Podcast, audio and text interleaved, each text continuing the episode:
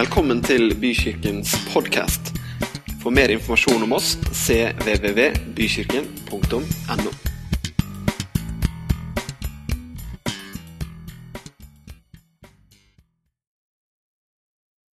Ja, fint å se dere. Ser dere at jeg har klippet meg? Du ser dere, Jeg har ikke vært der på to uker ennå. Det er to uker siden jeg så dere sist. Jeg har, klipp, jeg har gjort litt mer på det enn det på to uker, da. Hver gang jeg er hos frisøren, så kommer det et øyeblikk av takknemlighet. Og det er mulig at ikke alle opplever dette hos frisøren. Men hver gang jeg er hos frisøren, og hun sier 'jeg må nok tynne litt' det, altså Magnar, Gunnar, jeg vet ikke om dere vet hva jeg snakker om. Men hver gang jeg får denne kommentaren 'Jeg må nok tynne litt, for det er så tjukt her', så veller takknemligheten opp. Da stemmer jeg i med salmisten og sier 'Takk være du store Gud, som har gitt meg hår på hodet'. Nei, dette var ikke et forsøk på å, å se ned på dere som ikke har like tjukt hår som meg, men takknemligheten bare veller fram. Her For noen dager siden så var jeg og Philip på tre år og tre måneder vi var hos frisøren sammen. Det var en del vegringssituasjoner på vei ned gågata, men vi endte nå opp hos frisøren. Og Jeg vet ikke hvem som var flinkest, men for å si det sånn, jeg fikk også ros av frisøren den dagen. For improvisert historiefortelling akkompagnert av tegning på eh, telefonen. Men når vi går nedover gata etterpå og skal kjøpe oss eh, en scones på Tønsberg Torv, så går jeg med den lille gutten i hånda og så sier jeg, 'Du, Philip, du var kjempeflink hos frisøren i dag.' Skulle nesten hatt bilde av han, vet. Hun styla han litt. Han var så tøff som var det. vet du. Og så sier han da på sin kleisete måte, 'Tusen takk, pappa. Det var du også.' Men det er noe med den der takknemligheten, den derre herlige som skjer når vi viser takknemlighet. Og i dag så setter vi fokus på takknemlighet. Vi har en takkefest. Og når det er fest, så hører det med en festtale, gjør det ikke det? Nå kommer festtalen. Gleder du deg? Det er en festtale. Jeg lover deg mer innhold enn en vanlig festtale. ok? Det er noen sånne dype sannheter her også, men uansett så skal vi i hvert fall dele noen tanker sammen. Skal, jeg skal dele noen tanker om eh, det å være takknemlig hva som skjer med oss. Og så skal vi få lov til å være med og uttrykke vår takknemlighet også litt seinere i talen. Som dere kanskje har lagt merke til, så er det fem sånne bord rundt om i salen i dag. Og etterpå så skal vi få lov til å bevege oss litt rundt, og så skal vi stanse opp ved de ulike. Det kan dere få velge sjøl hvem dere vil være ved. Og så kan vi få uttrykke vår takknemlighet. Så det tror jeg blir veldig bra. Tror du det? Jeg føler allerede at det er bra, jeg. Ja. Da, da hadde alle sovna siden i stad. Nei, men det er greit. Hvorfor har vi en sånn takkefest? Hvorfor setter vi fokus på takknemlighet? Hm. Bibelen er overfull av takknemlighet. Det er mange skriftsteder som har ordet 'takk' i seg. Salmisten sier 'takk, Herren, for Han er god'. Paulus sier 'men Gud være takk'. Vær takknemlige. Det er, dere, det er det rette for dere som er i Kristus. Og så videre og så videre. Bibelen den er jo skrevet for å gi deg og meg visdom, input, sånn at vi kan leve gode liv. Ikke sant? Med på den tanken? Bibelen er liksom ikke den, den boka vi valgte ut, og, valgte ut og snakket litt ut fra. Vi tror at dette er sannheten. Vi tror at det er Guds ord gitt til oss. Ikke sant? Og den er full av ord om takknemlighet. Noen ganger så er det litt vanskelig å vise takknemlighet. ikke sant? F.eks. det å ta imot et kompliment. Det har jeg øvd meg på. Jeg tuller ikke. For noen år siden så syntes jeg det var kjempevanskelig hvis noen kom til meg og sa 'Så bra! det der, Du er flink, altså!' Hadde man en Unnskyld at jeg er til. Noen som kjenner seg igjen i den? Ja, vi er ærlige i Guds hus. Noen som, nei, jeg trenger ikke å se hånden din. Men noen ganger så er det litt vanskelig å ta imot takk eller et kompliment. Og så er det litt rart, for noen ganger så er det litt vanskelig å Eller noen ganger så er det litt lett å være takknemlig når vi føler at livet går litt på skinner. Nei, sola skinner. Lønnsveksten er grei. Og jeg har en del venner, og liksom, ok, ja, da er vi takknemlige, men takknemlighet er noe som stikker dypere enn bare de dagene hvor alt skinner, og hvor alt er bra. Noen mener at takknemlighet, det er dyden som har forsvunnet fra vårt samfunn.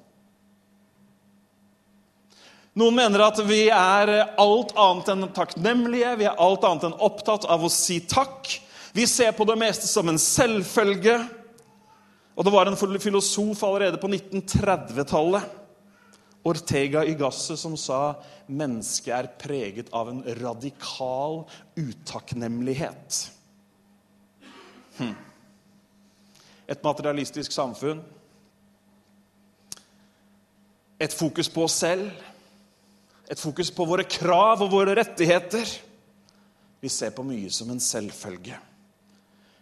Men det er litt i endring, skjønner du. Det er ganske mye i endring også. Eh,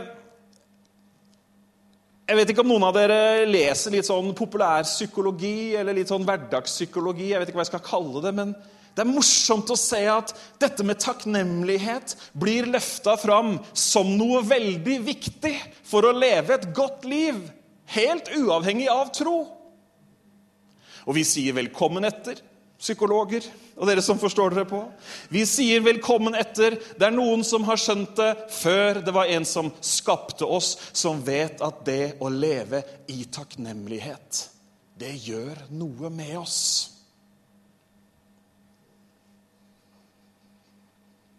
Å være takknemlig er en god måte å skru av negative følelser og tanker, skuffelse og misnøye.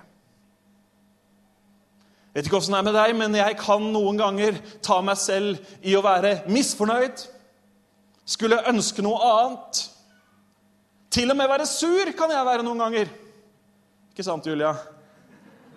Jeg har fasiten på første benk. Ja. Det har ikke du. Det skal vise åssen det er. Bare de ansiktsuttrykkene der. vet du, Trafikklysets forandringer er ingenting mot uh, beskjedene fra første rad. Nei da.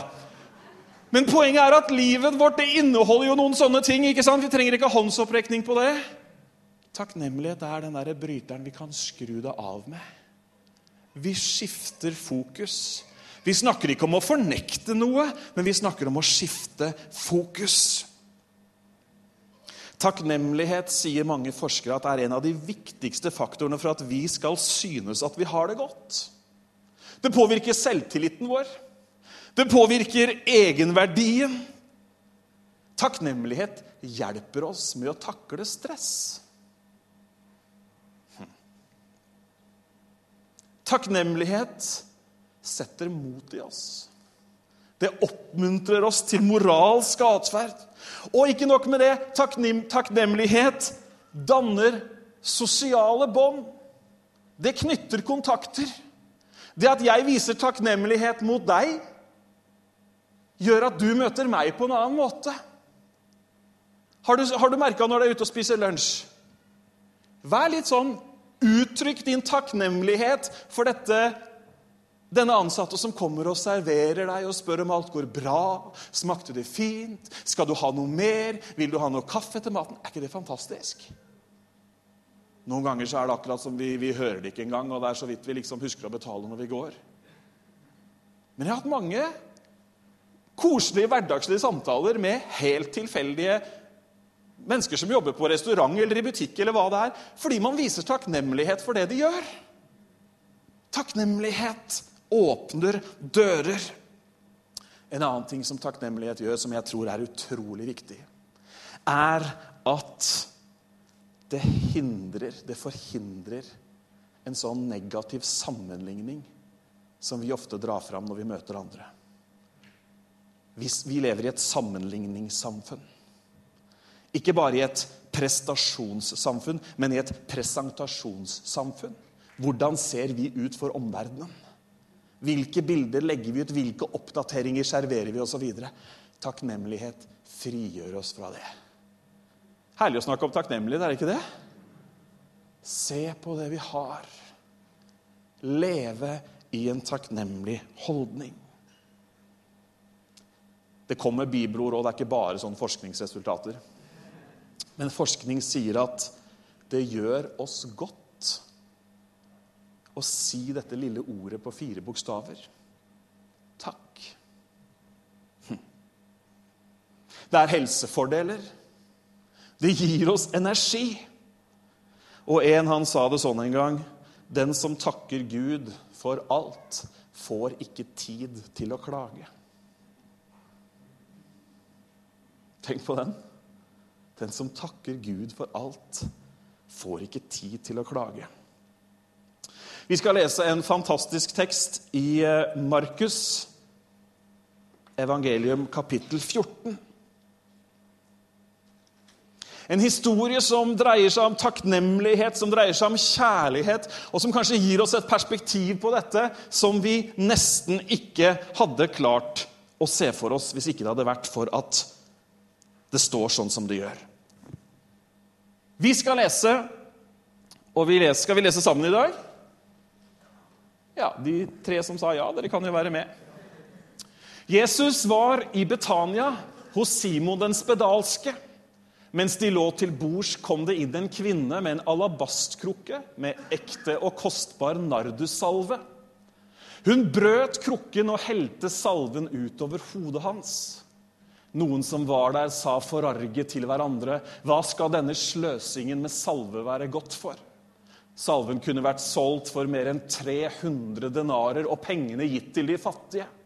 Og de snakket strengt til henne. Men Jesus sa, la henne være. Hvorfor plager dere henne? Hun har gjort en god gjerning mot meg. De fattige har dere alltid hos dere, og dem kan dere alltid gjøre godt imot så ofte dere vil. Men meg har dere ikke alltid. Hun gjorde det hun kunne. Hun har på forhånd salvet kroppen min til gravferden. Sannelig, jeg sier dere, overalt i verden hvor evangeliet blir forkynt, skal også det hun gjorde, fortelles til minne om henne. Jesus var på middagsfest. De lå til bords. Dette er rett før Jesus blir korsfestet og dør. Bare sånn morsomt at han var til middag hos en som blir kalt Simon den spedalske. Han var nok ikke spedalsk lenger kan du si, når han hadde middagsgjester, for da hadde han vært uren, og de hadde ikke gått i nærheten i det hele tatt. Tror du at det var noen mirakler som skjedde som ikke står i Bibelen? Det var veldig mange mirakler som ikke står i Bibelen, for vi ser ikke historien om Simon den spedalske et eller annet sted. Men de skriver jo disse forfatterne av Bibelen at hvis vi skulle skrive ned alt det Jesus gjorde, så hadde vi ikke fått plass til alle bøkene i denne verden. Så det skjedde veldig mye mer, men vi har fått noen av høydepunktene. Er du glad for det? Ja, mange er veldig glad for det. Men her er det altså og Jesus spiser, og så skjer dette her merkelige. Ypperstepresten og fariseerne har vært taktiske. De har lagt planer om å ta Jesus, men de tenker vi venter. Vi venter til over høytiden. Så kommer denne dama inn. Og Hadde hun bare kommet inn, så hadde vi vel aldri lest historien i dag. Men hun kommer inn. Hun har med seg en krukke. Og I den krukka så har hun en utrolig verdifull olje, eller en salve, som heter nardus. Og Hun går ikke rundt og vifter med krukka og ser, se hvor rik jeg er, for det kunne hun egentlig gjort. For den krukka, den var, verdien på den var lik en årslønn. Årslønn. Har ikke sett så mange penger på en gang, du, for vi har alt på, på kort og på bank. Men du vet cirka, er det noen som vet hva de tjener i året her? Ja, Det var det hun hadde i veska. Ok? Det var rett og slett det, verdien hun hadde i veska. Og så gjør hun det her merkunderlige. For å åpne en sånn eh, så knakk man halsen på nesten som du kan slå av halsen på en flaske. Hun knakk den. Og så helte hun denne salven over Jesus. Og da vet du, da går en liten en i Judas. Og ikke bare Judas, men de andre disiplene også. Hallo, hva er det hun driver med? Det er jo sløseri! Man tømmer jo liksom ikke ut en årslønn på fortauet, underforstått. Men det er det hun gjør. Hun tar denne verdien Og så gir hun den. Hm.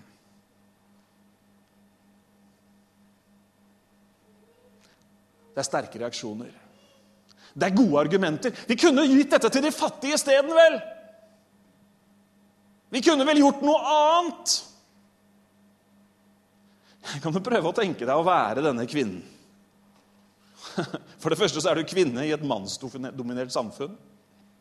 Og så er du der i eh, selskapet rundt Jesus med, med, noen tydelige disipler som hadde vært sammen med han i, i, tre år. Og så gjør du en sånn ting, og så møter du umiddelbar kritikk. Noen som har møtt umiddelbar kritikk?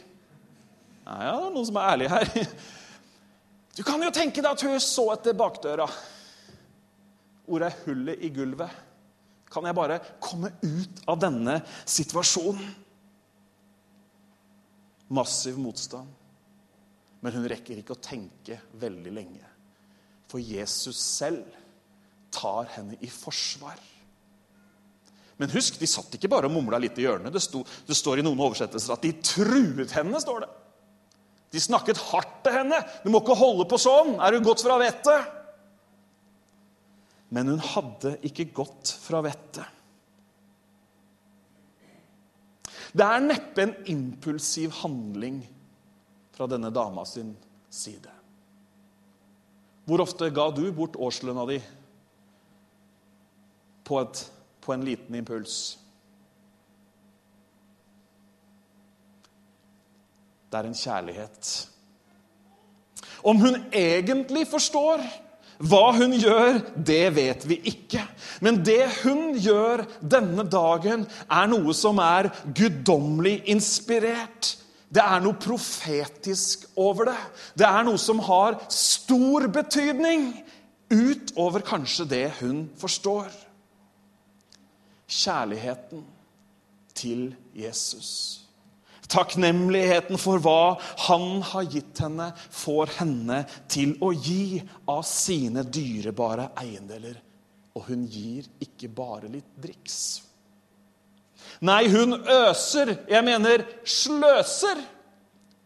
Hvis du skal følge Hvis du spør Judas. Men Jesus svarer, 'La henne være'. Hvorfor plager dere henne? Det sier noe om anklagene. Det sier noe om intensiteten i situasjonen. Jesus sier, 'Hvorfor plager dere henne? La henne være.' 'Hun har gjort en god gjerning mot meg.' Og så tar han hovedargumentet deres, som var 'Hvorfor gir vi det ikke heller til de fattige?' Og sier, 'Dere kan alltid gi til de fattige.' Det er bare å gjøre det, det. Er det ikke rart at det er sånn med noen av unnskyldningene våre? De har ikke noe annet innhold enn luft.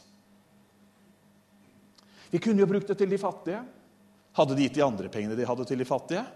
Ja, Det vet vi ikke, men vi vet at Jesus ga penger til de fattige og hjalp mennesker i, i, som hadde behov. Det vet vi, det, det leser vi.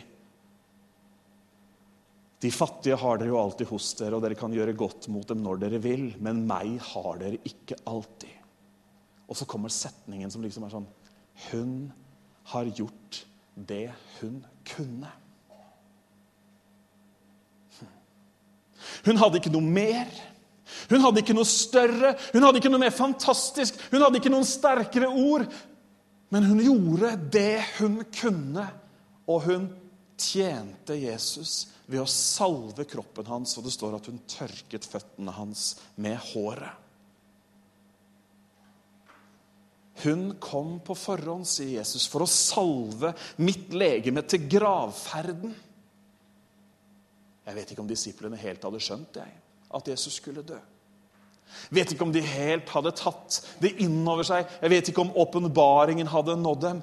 Men den hadde tydeligvis nådd denne dama, bevisst eller ubevisst. Så gjorde hun noe. Hun salvet Jesus til gravferden.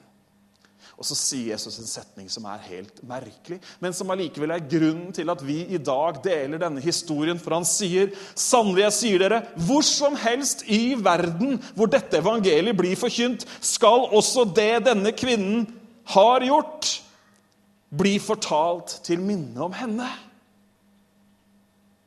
Det er ingen annen i Bibelen som får denne omtalen. Jeg har ikke sett noen annen person hvor det nevnes at hver, hver, overalt hvor evangeliet forkynnes, så skal historien om denne fortelles til minne om henne. Er det mulig at det er litt viktig, eller siden Jesus sier det? Er det mulig at vi berører kjernen her? Er det mulig at dette faktisk er noe som bør holdes fram? Jeg tror virkelig at det er det. Hun har gjort en god gjerning mot meg. Det finnes to ord for god. Og det er det ene som er brukt her. Det ene ordet for god jeg skal, ikke, jeg skal spare deg for gresken, men det ene ordet for god som brukes i Bibelen, er når noe er moralsk godt. Når noe er riktig å gjøre. Det liker vi. Det andre ordet for god som er brukt i denne teksten, her, det er et ord som beskriver noe mer enn at det bare er godt og riktig. Det beskriver noe som er vakkert, godt, vidunderlig. Det var ordene Jesus brukte om det hun gjorde. Ekte kjærlighet, folkens, har alltid en viss grad av overdrivelse i seg. Ikke sant? Ekte kjærlighet, den, den sper på litt. Den er ikke kalkulert, den, er ikke liksom, den, er ikke, den, har liksom ikke sin faste post i budsjettet. Men ekte kjærlighet, den, den overdriver. Hallo, se på Facebook. Verdens beste, universets flotteste, fineste, snilleste Altså, OK? Det er bare ekte kjærlighet, folkens. Så kan vi diskutere grammatikken og noen av ordene som brukes, og som har kommet til, men det er bare ekte kjærlighet. Ikke sant? Ekte kjærlighet nøyer seg ikke med hvor lite den kan gjøre eller si når den uttrykker seg. Hm. Det er litt rart med denne dama, for det det hun gjør Jesus sier at hun har salvet min, mitt legeme, min kropp, til gravferden. Jeg vet ikke, men med det hun gjør, så er hun med på å fullføre eller oppfylle frelsesplanen. Jesus kom med en hensikt. Jesus hadde et oppdrag. Se, det er Guds lam som bærer verdens synd. Jesus kom for å kjøpe deg og meg fri fra forbannelse, fra sykdom og fra skam. Han hadde en gjerning han skulle gjøre. Og så er det mange hendelser som leder opp til det. Ingen av de er tilfeldige. Vi ser at Gjennom Jesu liv så oppfylles en hel mengde profetier fra Det gamle testamentet. Det var forutsagt på detaljert vis hvordan dette skulle skje. Hun er en av de som forbereder og som er med på å oppfylle Guds plan. Det som i andres øyne var noe sløsing og tull, det var helt riktig å gjøre. Smak litt på den, da.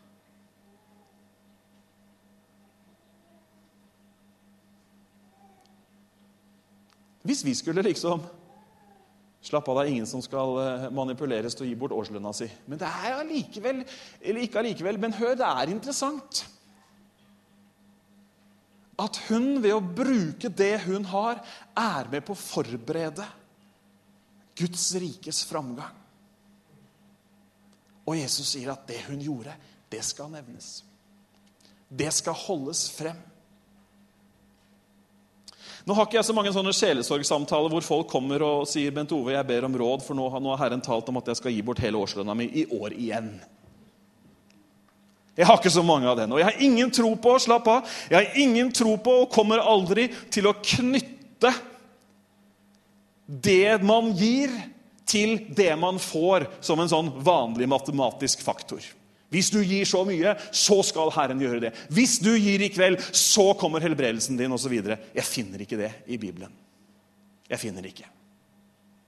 Frelsen er fri. Nåden er fri. Vi kan komme og ta imot. Når vi gir, så er det ikke for å få. Når vi gir, når denne her dama gir, så er det en respons på noe hun har opplevd. Det er veldig annerledes. Hun gir av takknemlighet. Istedenfor å rasjonalisere bort tanken, ideen, om å vise ære og takknemlighet, så gjorde hun det hun kunne. Nå hadde hun anledningen. Nå var hennes tid på en veldig konkret måte. Hva skulle rikdommen brukes til? Den skulle ære kongenes konge.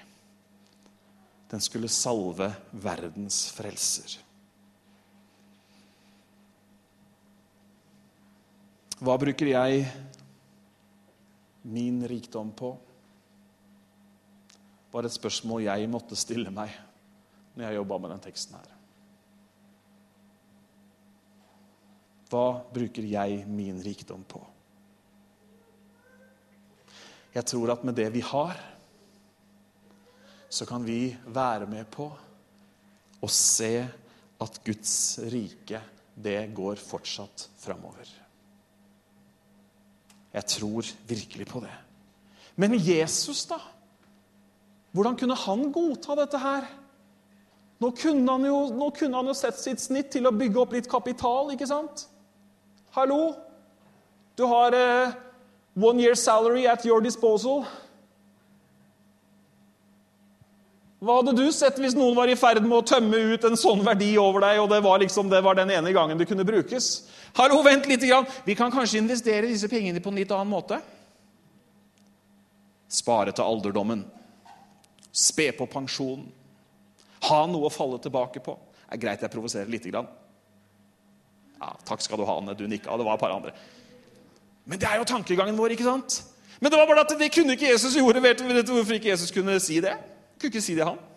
Han hadde jo sagt litt tidligere vet du, at 'samle dere ikke skatter på jorden hvor møll og rust tærer'. Han kunne, jo, han kunne, jo, ikke begynne å investere og samle seg penger, han som akkurat hadde sagt at det der, det funker ikke. Du må samle deg skatter i himmelen, for der hvor din skatt er, der vil også ditt hjerte være. Så Jesus hadde jo gitt noen instrukser han på forhånd til disiplene. så han måtte jo le. Det er så deilig med Jesus. vet du hva? Han levde det han lærte. Derfor så har han troverdighet i dag, 2000 år etter at han gikk omkring på jorda. Hmm. Hvor som helst i denne verden hvor evangeliet forkynnes, skal denne historien nevnes. Er dette evangeliet? Er det en del av evangeliet? Historien fremholdes i alle fall som et eksempel på hvordan man kan være med på å gjøre en god gjerning mot Jesus nevnes som et eksempel på hvordan takknemlighet og kjærlighet kommer til uttrykk. Det er én, folkens, som fortjener vår ære. Og pinsemenigheten sa et halleluja. Det er en som sitter på tronen, og som er verdt all ære i himmel og på jord. Du verden, nå begynner det å ligne noe her. Det er en som det står om i Bibelen at fortjener all vår pris og all vår ære. Det er en det står at vi skal gå gjennom portene til tempelet med jubelrop og takk... Ja, nei, det var, ikke, det var ikke nordmenn der, nei. Det var ikke det. Nei, det hadde jeg jo helt glemt.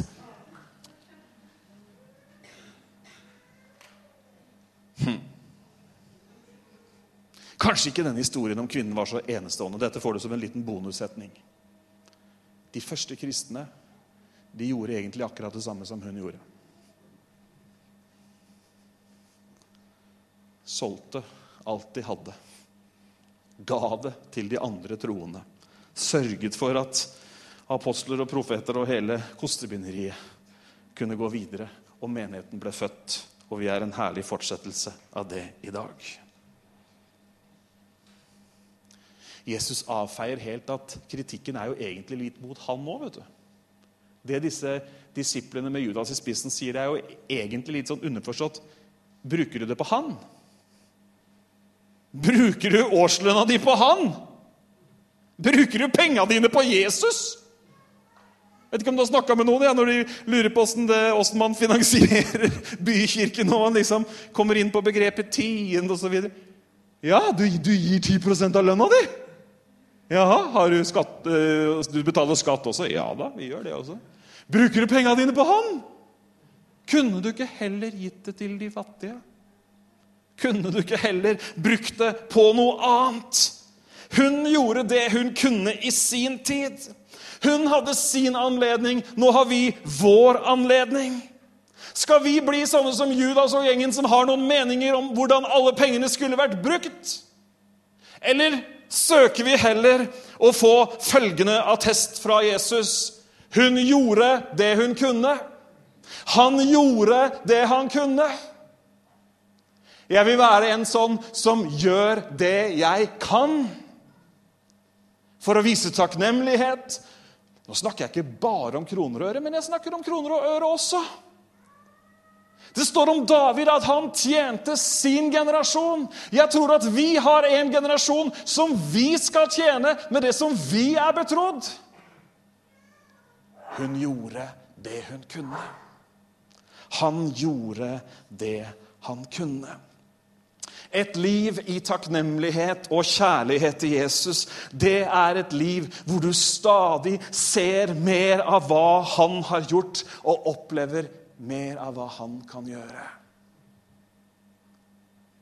Istedenfor å se på alt vi ikke har, så ser vi på det vi har. Istedenfor å se på det som mangler, så ser vi på det vi har fått.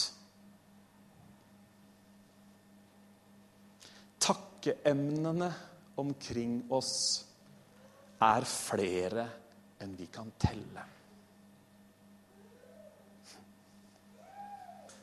Lina Sanell kjenner mange, en herlig svensk sangerinne. Hun synger i en, en strofe i en sang. Jeg kan ikke rekna dem alle. De prov på Guds godhet jeg grønt. Jeg kan ikke telle alle de bevisene på Guds godhet som jeg har fått erfare. Mange av oss svømmer i takkeemner. Mat, klær, familie, venner, arbeidskraft og arbeidslyst. For ikke å snakke om de temaene som angår vårt åndelige liv. Frelsen, Guds velsignelse, hans beskyttelse. Hmm. Vet du at et av de første skrittene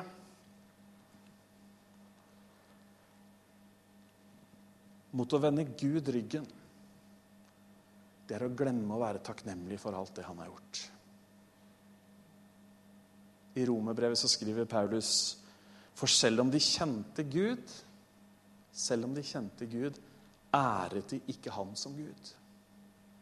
De ga han med andre ord ikke takk. De ble tomme i sine tanker, og deres dåraktige hjerte ble formørket. Paulus sier i Tessalonikerbrevet at vi skal takke under alle forhold, for det er Guds vilje for oss i Kristus Jesus. Dere, nå skal vi alle få lov til å gi litt uttrykk for vår takknemlighet. Fredrik han kommer og spiller litt. Og så har du kanskje tenkt på en og annen ting, eller kanskje du kommer på en og annen ting. Men vi skal ta noen minutter nå, og vi har absolutt god tid også. Så skal vi reise oss opp. kan vi gjøre med en gang. Og så finnes det noen hva skal man kalle det stoppesteder rundt i salen her. Kanskje du vil innom alle en liten tur, eller du finner en hvor du ønsker å virkelig stanse opp og takke Gud for de ulike tingene. Her borte så dreier det seg om familie og relasjoner. Her nede så er det framtid og håp. Her borte så er det Jesus og menighetsfellesskapet. Det er eh, skoleengasjement og jobb, og det er eh, velsignelser i form av mat og drikke og hus og hjem osv. Så, videre.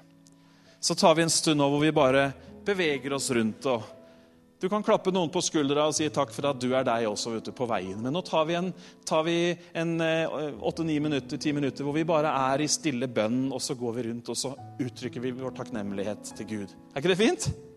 Så får dere bare litt hjelp av det som står der. Det som du tenker på, bruk det, og takk Han. Vær så god. Paulus sier i Kolosserne 3,15.: La Kristi fred råde i hjertene, for til det ble dere kalt da dere ble et legeme. Og vær takknemlige.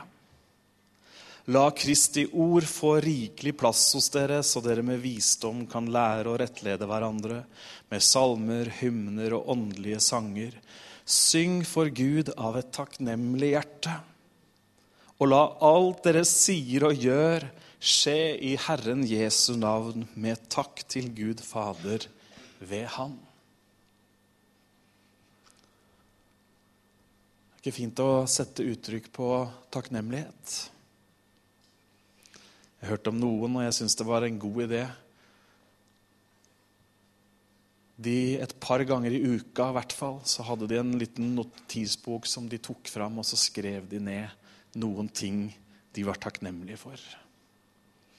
Hørte om en annen familie som hadde en praksis når de kjørte barna til skole eller barnehage. Som hver morgen så fant de tre ting som de kunne takke for. Den kan du ta med deg. Det er en fin samtale å ha om morgenen hva vi er takknemlige for. Både når det regner, og når sola skinner. Takk, Herre.